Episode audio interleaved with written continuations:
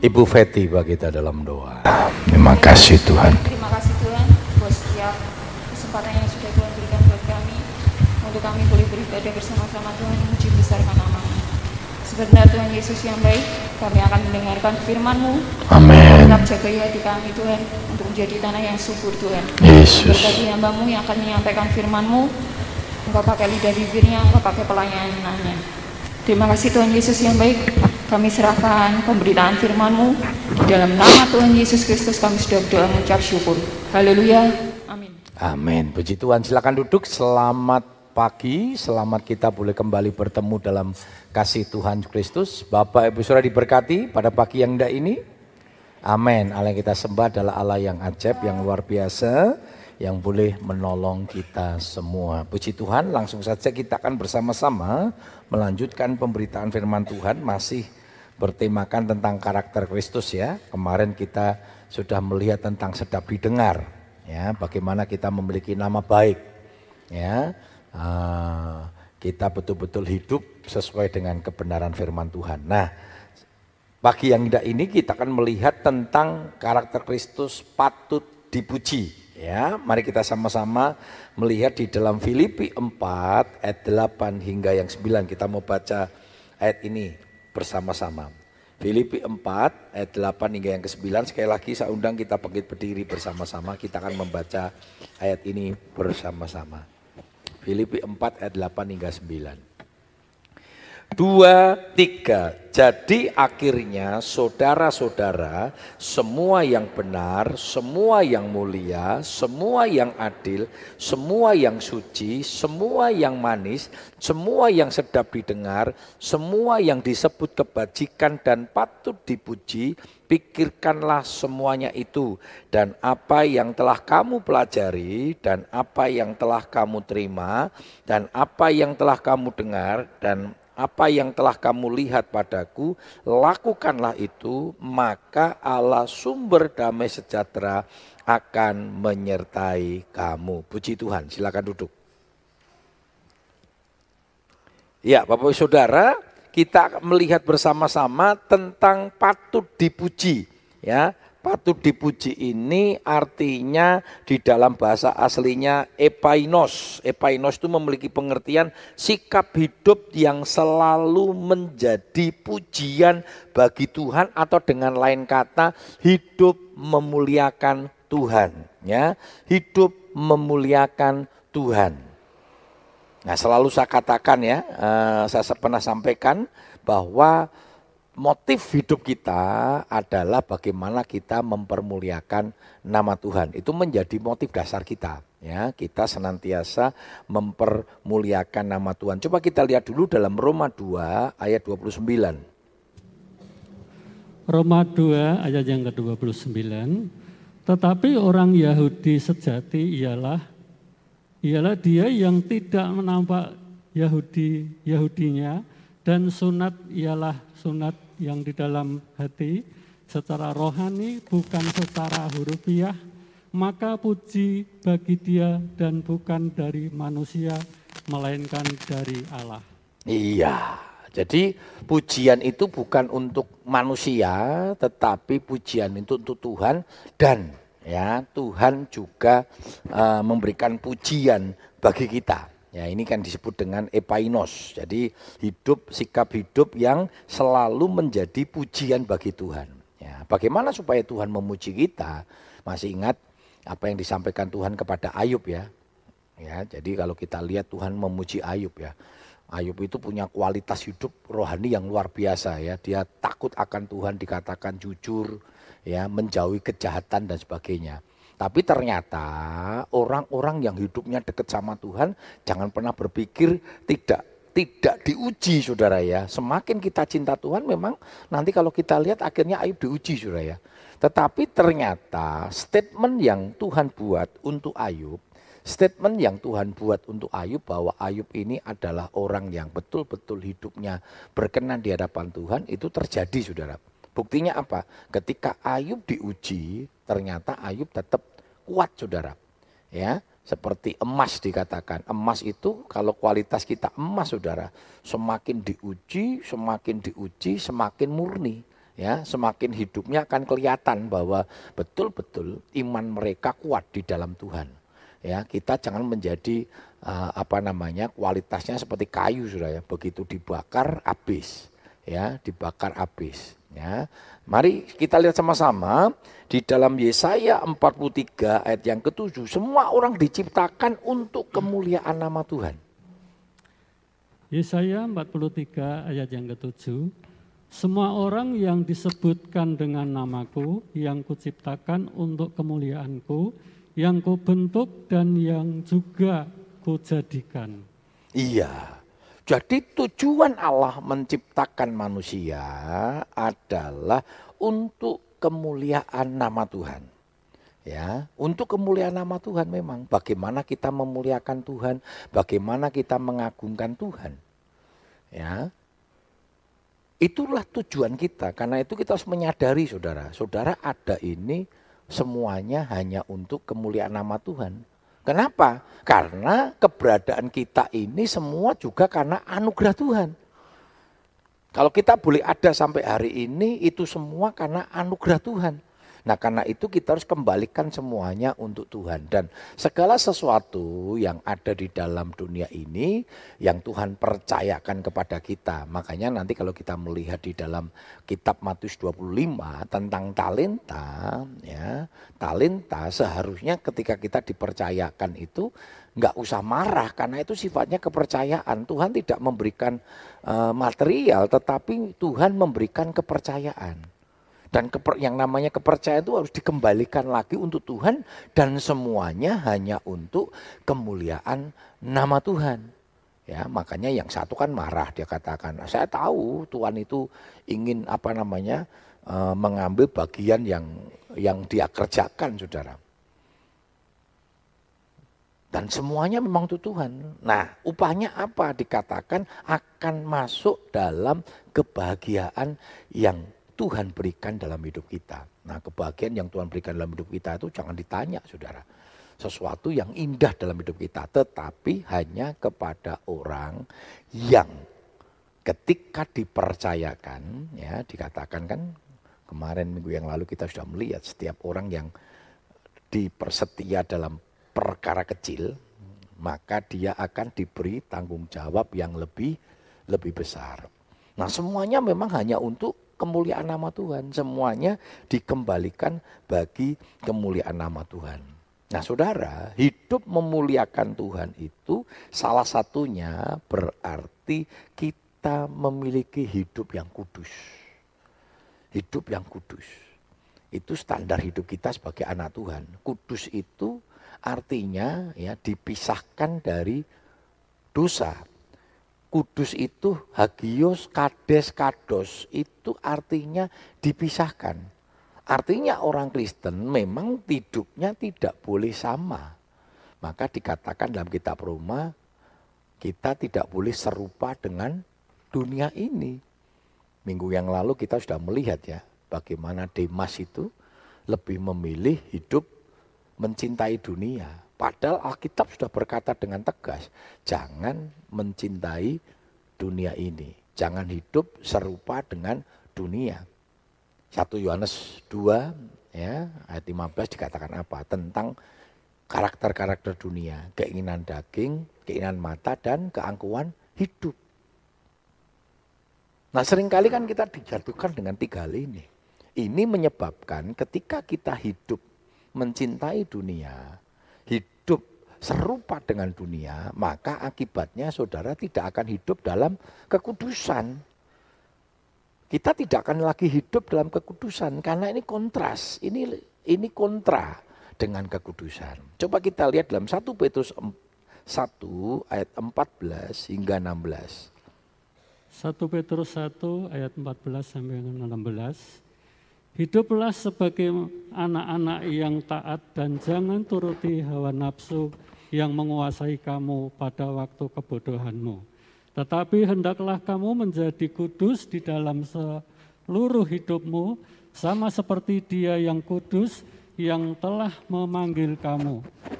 Sebab ada tertulis, kuduslah kamu sebab aku kudus. Iya, dikatakan di sini ya, supaya kita ini sebagai anak-anak yang taat jangan turuti hawa nafsu yang menguasai kamu pada waktu kebodohan kamu. Ya, pada waktu kebodohan itu pada waktu kita belum mengenal Tuhan, belum mengalami perubahan, belum dijamah Tuhan, itu ada dalam masa kebodohan. Ya, mungkin pada waktu kita belum kenal Tuhan, kita nggak ngerti firman. Sehingga kita masih hidup di dalam dosa, ya nggak apa-apa. Karena ketika kita kenal firman, ngerti firman, ngerti uh, bahwa percaya kepada Tuhan, maka Alkitab katakan apa kitab Yesaya? Dosa semerah kermisi disucikan seputih salju. Dosa-dosa kita tidak diperhitungkan lagi, saudara. Itu terbukti ketika statement yang dibuat Tuhan kepada Daud. Ya, dikatakan Daud itu melakukan kehendak Tuhan pada zamannya. Padahal kita tahu dalam perjalanan hidup Daud itu Daud penuh dengan dosa. Seringkali dia jatuh dalam dosa, beberapa kali dia jatuh dalam dosa, bahkan dosa yang paling ironis. Dosa yang paling mengerikan adalah ketika dia bersinah, bersinah dengan Betseba. Bukan hanya persinahannya saja, tetapi untuk menutupi persinahan terjadilah pembunuhan. Makanya ketika kita berbuat dosa, kuncinya satu, minta ampun. Tetapi ketika dosa coba ditutupi dengan dosa, akibatnya fatal. Ya, sudah kita lihat ya, kasus yang masih berjalan hari-hari ini. Verdi Sambo, itu kan dosa ditutup dengan dosa dan ternyata mengerikan itu. Mengerikan. Karena itu seharusnya ketika kita sudah berbuat dosa, ya minta ampun sama Tuhan. Jangan ditutup lagi dengan dosa. Dan ini akan berakibat fatal. Nah firman Tuhan katakan, kuduslah kamu sebab aku kudus. Kenapa saudara? Ya karena sebagai orang Kristen, namanya aja Kristen. Kristen itu artinya pengikut Kristus. Apa artinya pengikut Kristus? Apa pun yang dikerjakan, dilakukan oleh Tuhan Yesus termasuk karakter-karakternya, kita harus menjadi bagian yang sama seperti Yesus. Maka dikatakan ya, kita ini samar-samar ketika bercermin ya tampak gambaran Yesus dalam hidup kita. Dan target kita, goal kita memiliki hidup yang sama seperti Yesus. Itu yang menjadi visi gereja kita ya. Bertumbuh uh, apa? berakar, bertumbuh, berbuah menuju kedewasaan di dalam Yesus Kristus. Itu goal. Hidup kita harus sama seperti itu. Filipi 2 katakan apa? Hendaklah dalam hidupmu bersama. Menaruh pikiran dan perasaan yang terdapat dalam Kristus Yesus. Nah kalau Yesus kudus ya kita harus kudus. Hidup kita harus kudus. Karena itu kita selalu minta dikuduskan. Ya, dikatakan hendaklah dalam hidupmu saudara ya dikatakan tubuh jiwa rohmu itu dikuduskan, disucikan oleh kuasa rohol kudus. Nah caranya bagaimana? Ya kita harus terlalu dekat sama Tuhan. Paulus berkata hidupku bukannya aku lagi tetapi Kristus yang hidup di dalam aku. Kita minta Tuhan yang menguduskan hidup kita. Ya, sebab tanpa kekudusan kita tidak dapat melihat Tuhan. Coba kita lihat, kita lihat dalam Roma 12 ayat yang pertama. Roma 12 ayat yang pertama. Karena itu saudara-saudara, demi kemurahan Allah, aku menasihatkan kamu supaya kamu mempersembahkan tubuhmu sebagai persembahan yang hidup, yang kudus dan yang berkenan kepada Allah, itu adalah ibadahmu yang sejati. Iya, ibadah yang sejati adalah mempersembahkan tubuh kita ya sebagai persembahan yang hidup dikatakan yang kudus dan yang berkenan kepada Allah. Itu adalah ibadah yang sejati. Ya, mari kita mempersembahkan tubuh kita untuk mempermuliakan Tuhan. Bukan mempergunakan tubuh kita untuk memuaskannya, saudara.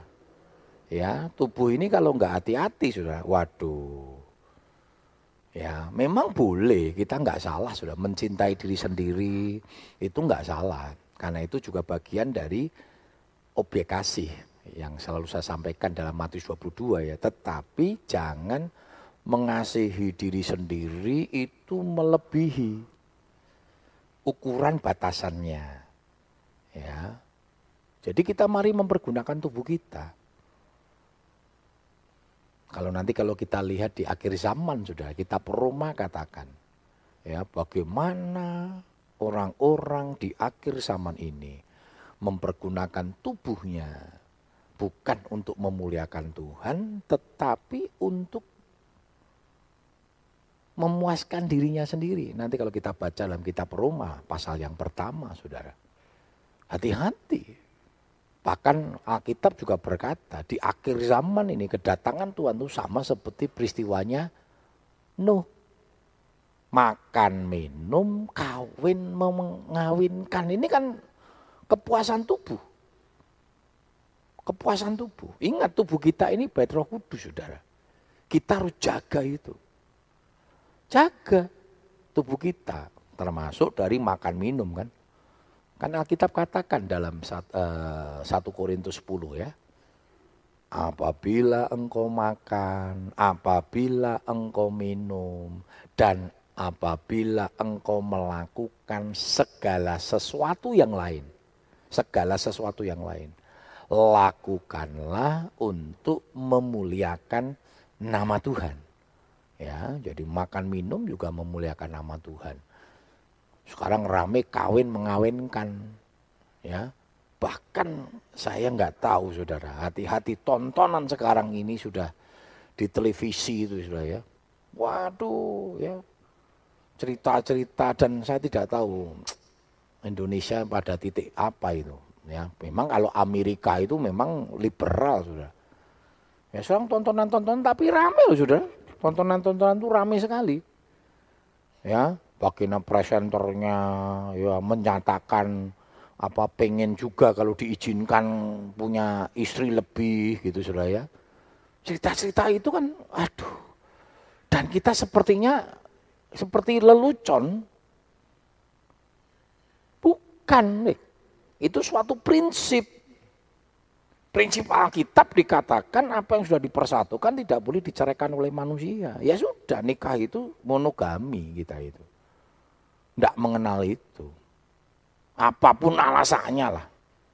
Hati-hati sudah. Karena itu kan bersifat daging.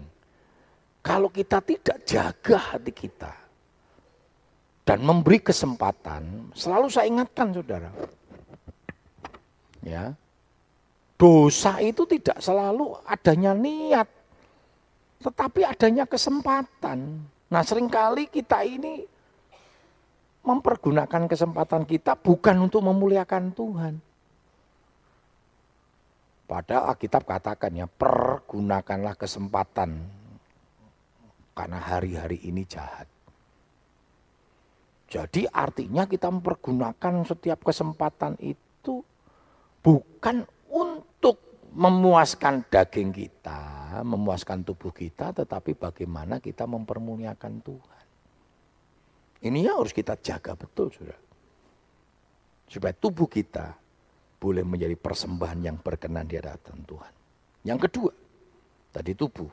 Sekarang persoalan yang kedua, apa itu? Harta untuk memuliakan Tuhan.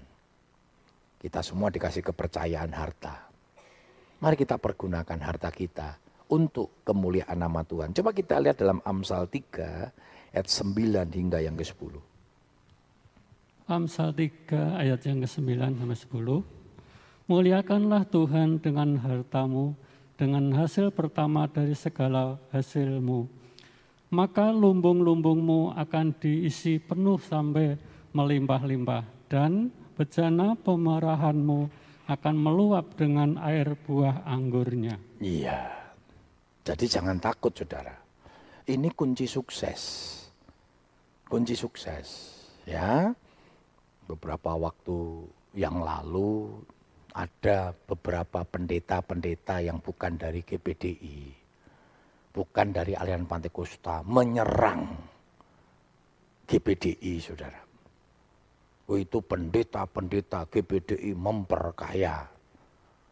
Terima perpuluhan mereka nggak pernah tahu, saudara. Pendeta-pendeta GPDI ini juga hidupnya karena iman.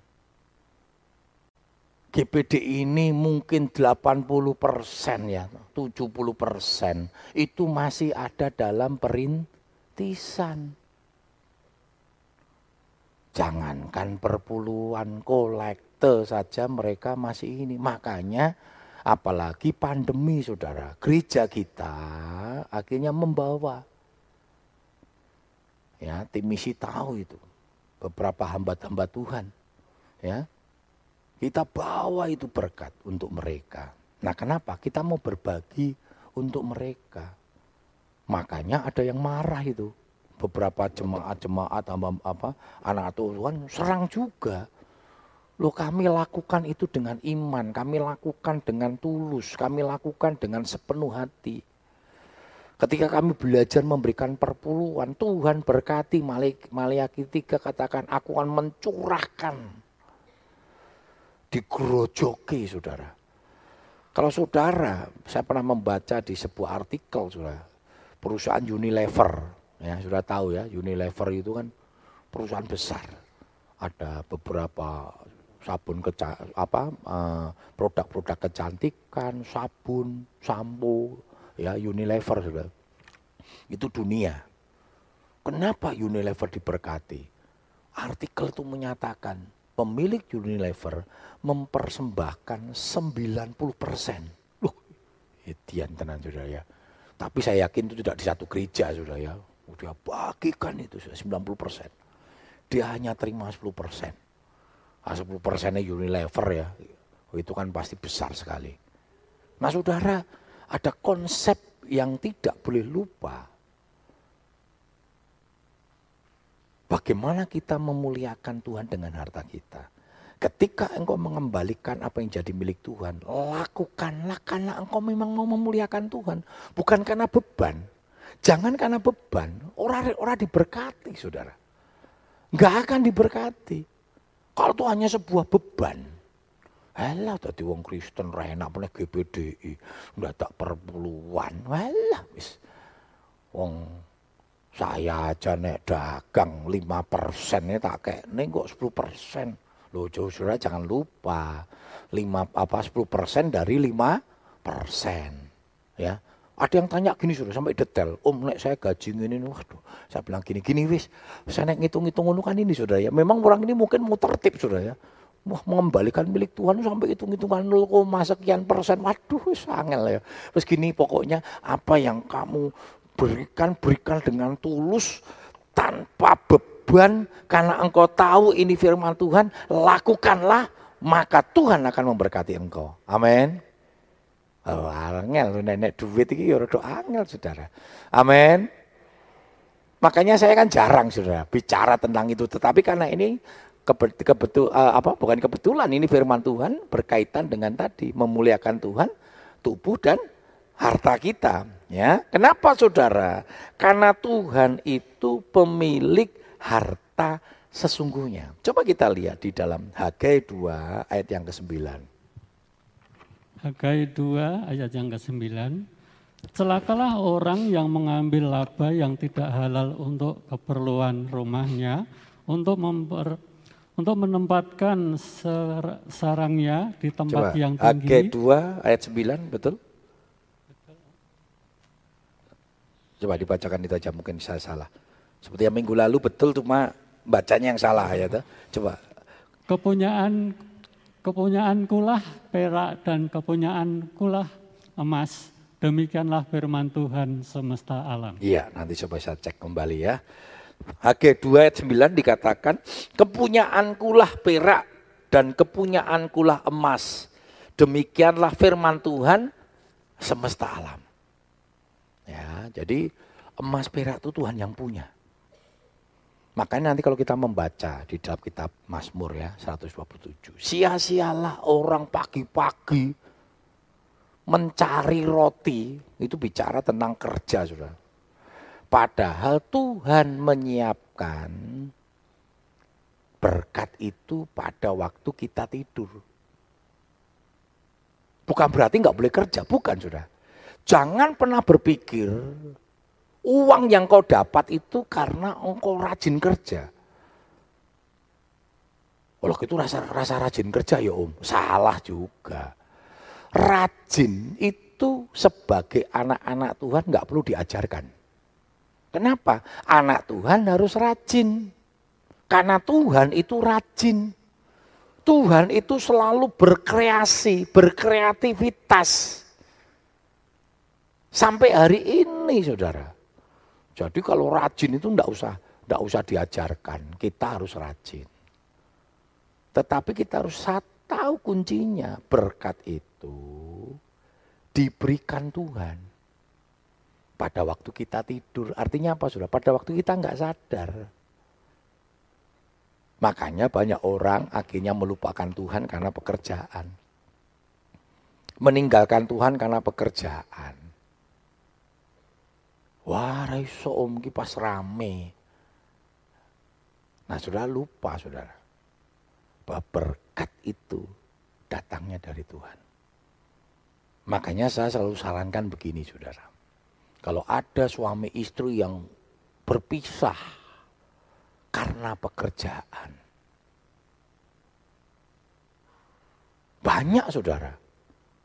Waktunya berpisah karena pekerjaan. Anaknya yang korban. Anaknya yang korban.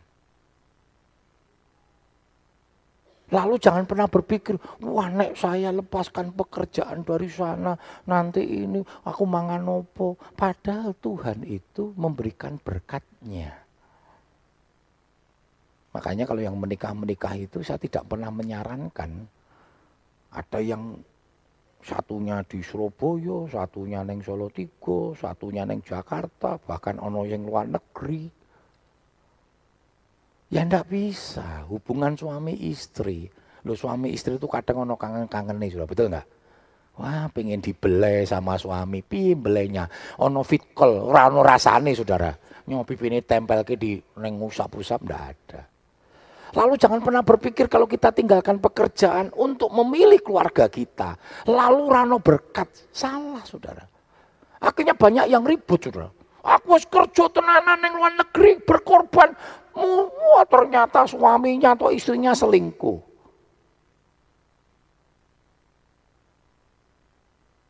Jangan lupa saudara. Wong firman Tuhan katakan kok waktu nikah. Apa yang sudah dipersatukan tidak boleh dipisahkan. Ah, kok malah dipisah? No. Terus nanti sakit hati. Ah, ketemu setahun pisan. Rong tahun pisan. Sebulan. Lu ngomeneh saudara. Akhirnya hambar. Pernikahan tuh nggak ada. So, jangan takut saudara. Untuk mempertahankan keluargamu, jangan takut. Berusahalah bersama dengan Tuhan. Karena berkat itu datangnya dari Tuhan. Amin. Amin. Daripada akhirnya korban. Anak korban. Kok sing disalahke sing di yang bersama dengan anak to? Wis tak kirimi duit. Loh anak itu bukan hanya duit saudara. Istri itu bukan hanya duit. Ya duit ya penting saudara ya. Enak sih, enak wae omahku sok ngomong ngono, sisuk bulan depan ora diblonjo meneh ya saudara. Bukan sekedar itu. Ya tetap harus uang penting, tetapi bukan itu. Dan kita harus tahu nih kunci berkat itu udah ada di tangan Tuhan. Ada di tangan Tuhan. Itu yang harus kita lakukan, kita kerjakan. Ya. Jadi kita harus tahu kuncinya ini dulu saudara. Berkat itu ada di tangan Tuhan. Karena itu mintalah kepada yang punya berkat. Nah tugas kita apa? Kerja dengan sungguh-sungguh, rajin. Dan serahkan itu kepada Tuhan, yo rajin. Jangan sekali lagi saya katakan rajin saya tidak pernah ajarkan lagi kita sebagai anak-anak Tuhan nggak perlu diajarkan rajin. Saudara harus rajin, nggak usah saudara. Orang sih orang rajin isin mbek semut, betul kan? Amsal 6 ayat 6 dikatakan, weh pemalas, pergilah kepada semut. Itu bukan kata-kata bijak, itu ngisin-ngisini sudah. Kalau saudara disuruh belajar kepada semut kan keterlaluan. Harusnya semut yang belajar kepada manusia. Berarti kan ayat itu waduh keterlaluan saudara. Jangan nanti dapat ayat, wah puji Tuhan saya dapat ayat ini. Wah suruh belajar sama semut loh isin saudara. Itu berarti saudara malas betul saudara. Ya, pemalas itu nggak dapat berkat saudara. Wong firman Tuhan katakan enggak mau kerja jangan kamu makan. Oh, itu kan firman Tuhan saudara. Jadi artinya kerajinan nggak perlu diajarkan lagi. Wong Kristen harus rajin. Amin. Amin. Harus rajin. Kalau orang Cina namanya Cia Pogun, saudara. Makan, tidur senani. Ya. Jangan makan tidur, makan tidur, bangun pagi. Mah, apa lawe? Wah, surah olahraga barang perutnya tambah gede, saudara. Saudara, karena itu kita jangan cinta uang. 1 Timotius 6 ayat yang ke-10. 1 Timotius 6 ayat yang ke-10. Karena akar segala kejahatan ialah cinta uang, sebab oleh memburu uanglah beberapa orang telah menyimpang dari iman dan menyiksa, menyiksa dirinya dengan berbagai-bagai duka. Ya. Uang nggak salah, saudara. Uang tidak dosa. Yang membuat dosa itu cinta uang. Yang membuat dosa itu cinta uang. Karena itu Tuhan ajarkan ya, lebih berbahagia memberi daripada menerima. Cinta uang kan membuat akibatnya apa? Pelit saudara. Hitungan kabeh. Semua diperhitungkan, yo boleh. Kita sebagai manusia harus memperhitungkan. Tetapi jangan sampai kita itu perhitungan karena cinta uang. Cinta uang, saudara. Tidak ada hati untuk memberi. Tidak hati-hati, saudara. Padahal firman Tuhan katakan lebih berbahagia memberi daripada menerima. Kita mau belajar, uang perlu saudara. Gereja kita perlu uang kan? Untuk membangun itu kita perlu dana. Untuk dana. Tetapi jangan cinta uang. Karena cinta uang sudah dikatakan kan banyak orang menyimpang. Kenapa KPK dibentuk? Karena banyak orang cinta uang. Weh, ini baru rame saudara ya. Ini dulu perusahaannya Feti saudara. Inti dana saudara ya. Nah rame saudara. Wah, terjadi apa namanya? suap. Supaya apa? Mintanya supaya dipilotkan. Kalau dipilotkan kan mudah saudara untuk pertanggungjawabannya. Kenapa? Karena nggak mau tanggung jawab. Padahal ya pasti sing iki ya sugih wong iso wong iso nyuap sekian M. Kok nggak mau bertanggung jawab? Saya nggak tahu ada yang kena nggak ini inti dana saudara ya. Untungnya Feti sudah keluar duluan nih saudara ya. Rame. Dan itu kasus sudah cukup lama ya. Sudah cukup lama juga. Wah adanya di Jawa Tengah lagi. Kenapa tuh cinta uang. Karena itu hati-hati saudara. Investasi investasi hati-hati. Beberapa waktu yang lalu ada yang tanya sama saya om bagaimana nabung? Sudahlah konvensional aja lah. Yo ojo neng kardus saudara engkau dipangan rayap. Wah kasihan saudara ya 50 juta, garik balik 20 yuto saudara. Itu konvensional betul saudara ya. Nggak tahu dimasukkan apa ya, celengan kalau nggak salah ya. Dimasukkan celengan, wah dimakan rayap.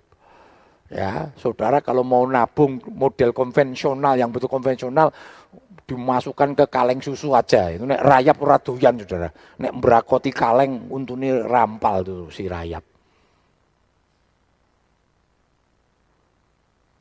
Yang konvensional saja, yang ya nabung lah sudah. Ah titik, saudara pengen supaya untuk uang bunga yang cepat. Nggak bisa, akhirnya hancur. Kadang kan pinter investasi ya. Wah, pertama kali meninvestasikan ke ibadi sih. Wah, sengaja sudah ke ibadi. Setelah itu dibagi, wah aku nek apa nganu sak yuto e ngatus. Wah, lumayan. Sampeyan saya sak yuto ngatus. Oh tak beke kabeh bahkan tabungan-tabungan di rumah dibehke untuk investasi. Oh bulan depan Melayu. Hati-hati sudah. Kenapa? Seringkali terjadi. Banyak yang kena loh saudara. Banyak yang kena. Investasi-investasi bodong namanya. Kenapa toh kita lakukan itu? Karena pengen sugih. Pengen cepet dapat duit banyak. Tanpa rekoso Hati-hati. Orang-orang itu kan juga kita harus mikir sudah, kok iso ngei bunga piye yo? Kok bunganya banyak dari mana? Dari mana itu? Gereja kita pernah sudah mau tanam investasi. Sekian M. Nanti dikatakan setelah sekian bulan, nanti setiap bulan kita akan dapat 200 juta. Saya sempat protes pada waktu itu. Hitung-hitungannya piye. Mana ada perusahaan yang namanya investasi itu. Apalagi perusahaan baru, baru dibentuk. Itu pasti kan bisa, bisa untung, bisa ru, rugi. Betul nggak sudah? Kalau sudah tanam investasi nggak mungkin, untung nggak mungkin. Ya tanam saham gitu sudah ya. Bisa untung, bisa rugi. Waduh, ini pasti. Ah, ya wis bar itu ya lali saudara. Untung balik, neng balik utuh. Wah beberapa hamba Tuhan pertanyakan rugi nu sekian M, sekian bulan, mana bunganya harusnya. Nah itulah saya bilang wis kita GPDI serang orang mudeng itu itu serasa investasi-investasi lah. Semua GPDI dibangun 100 tahun itu karena iman karena lutut. Ya, karena itu harus hati-hati ya, Bapak Saudara harus bijak. Sekarang banyak investasi investasi yang akhirnya menjadi masalah ya, karena itu harus hati-hati. Yang terakhir, jangan jadi hamba uang. Ibrani 13 ayat yang kelima. Ibrani 13 ayat yang kelima. Janganlah kamu menjadi hamba uang dan cukupkanlah dirimu dengan apa yang ada padamu, karena Allah telah berfirman, aku sekali-kali tidak akan membiarkan engkau dan aku tidak sekali-kali tidak akan meninggalkan engkau. Perhatikan, jangan kamu menjadi hamba uang. Cukupkanlah dirimu dengan apa yang ada padamu. Nek gajimu sak yuto ya cukupkan dengan satu juta. Belajar mencukupkan diri. Ya. Belajar menyukai diri. Berpada dengan apa yang ada. Tapi jangan juga terlalu pelit saudara. Pelit itu gini saudara. Sudah waktunya menikmati nggak mau menikmati. Nah gitu saudara ya. Di kota Solo ada pengusaha besar saudara. Wah dia apa namanya supermarket lokal yang besar. Saudara. bahkan rencananya mau buka di sini nanti saudara sudah tahu, nek lungo-lungo menganggo daster numpak becak eh saudara ya. Wah ini yuk keterlaluan juga saudara ya. Iso tuku mobil, ah, mungkin punya mobil juga nggak tahu. Apakah itu apa ya? Apa nek nek bangsa pesugihan ini saudara ya itu harus yang dilakoni kan ada saudara ya. Oh nek jaruk sugih ora entuk numpak mobil, saben dino nganggo daster. Dastere ora entuk dikumbah selama seminggu. Waduh Mampu saudara. Lu ya betul saudara. Nek lihat itu orang nggak ngerti saudara. Numpaknya becak ya padahal waduh luar biasa saudara. Yaitu namanya sudah waktunya menikmati, nggak mau menikmati. Itu identik sama pelit. Kumpul ke, wah numpak ontel bayi rasa ini, uh, uangnya banyak dipangan rayap saudara. Kan firman Tuhan ngomong kan, itu kan firman Tuhan betul saudara ya. Jangan simpan harta di bumi. Simpan harta di bumi dimakan ngengat. Ngengati ini kadang sok gundul iteng saudara. Ditipu sana tuh, waduh gagal. Ya, jadi artinya cukupkanlah dengan apa yang ada padamu. Artinya ya kalau berkat kita satu juta, cukupkan dengan satu juta. Berkat limang juta, cukupkanlah dengan lima juta. Uang namanya berkat itu ora cukup, ora tahu cukup. Betul nggak sudah? Sudah lihat tuh perusahaan-perusahaan besar itu ya. Yang mega proyek, wah perusahaan-perusahaan raksasa itu. Kadang mereka jadi, dia caplok tuh perusahaan-perusahaan kecil Tujuannya apa? Buat menjadi hamba hamba uang. Ya, karena itu kita mau jaga. Uang perlu. Menikmati hidup boleh. Piknik silahkan. Ya saya seneng lihat jemaat-jemaat senengnya piknik sudah ya. Berarti sudah diberkati oleh Tuhan. Ojo piknik ngutang saudara. Walah repot. Nggo nggo piknik ngutang. Wah wis membayari nganggo apa saudara. Jangan saudara. Ya toh? Saudara ran duit duit pengen piknik ya sudah yang muncul eh, muncul ya. Sing kolam renang itu apa? Yang saya jatuh sudah ya muncul. Eh, itu sampai sekarang saya nggak mau sudah. Sudah cukup, cukup lah. Gelundung gawe isin. Lorone yo lumayan. Neng isinnya lebih parah lagi sudah. Bayangin wis tua gelundung kan Gitu ada yang datang bilang, "Pak, hati-hati," katanya. Ya ampun. Kecuali nek saya tingkah mulai pencilaan gitu glundung sudah. Melakukan wis hati-hati glundung. Lorone ya lumayan. Ning lebih parah lagi Saudara. Ya, cari yang murah-murah lah ya toh. Di mana itu? Senjoyo lah wis bayar Saudara. Mangane cilok ya toh. Untuk mangewu warak Saudara. Daripada yang tempat-tempat sing mahal, wah wis Mangane larangi ra umum kadang ra enak, Saudara. Bayangan kan. Nek kolam renang hotel nggak boleh, Saudara. Neng Senjoyo kaki dicemplungke karo ini sudah dolanan banyu mangan cilok. Enak loh sudah. Saat pernah nyoba batakor. Saya lihat gini, batakor itu neng plastik. Ya kan? Terus dipotong ujungnya ceprot-ceprot. Saya kok kita enak. Saya pernah nyoba saudara. Kan sudah nggak pernah tahu. Neng mangan neng neng neng omah saudara. Oh kok ya enak sudah. Kadang saya pesan yang suka beli Dio, Dio, papi belikan katanya. Neng rumah kalau nonton TV ceprot, ceprot, oh ya enak loh saudara.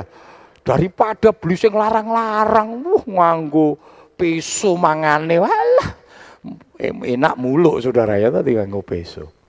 Ya, mari kita mencukupkan dengan apa yang ada. Ya, belajar untuk memuliakan Tuhan melalui tubuh kita, melalui harta benda kita, melalui apa pun yang Tuhan percayakan dalam hidup kita. Kita mau persembahkan untuk kemuliaan nama Tuhan. Ibu Mercy bagi kita dalam doa. Ini yang menjadi doa kami Tuhan. Biarlah hidup kami menjadi berkat bagi sesama kami. Dan hidup kami mau menyenangkan Engkau Tuhan. Mencukupkan apa yang ada pada kami dan mengucap syukur senantiasa kepadamu Tuhan atas segala pemberian Tuhan dalam kehidupan kami. Terima kasih Bapak yang baik, berkati hambamu yang sudah menyampaikan firmanmu pada pagi hari ini, di mana pun hambamu ini berada, berkat Tuhan penyertaan Tuhan ada bersama dengan hambamu. Berkati juga Tuhan keluarga besarnya di mana pun berada Tuhan, damai sejahtera yang daripada Tuhan ada bersama dengan mereka. Terima kasih Bapak yang baik, saat pagi hari ini Tuhan, kami kemul segala kemuliaan bagi namamu, Nah, dalam nama Tuhan Yesus Kristus, haleluya. Amin.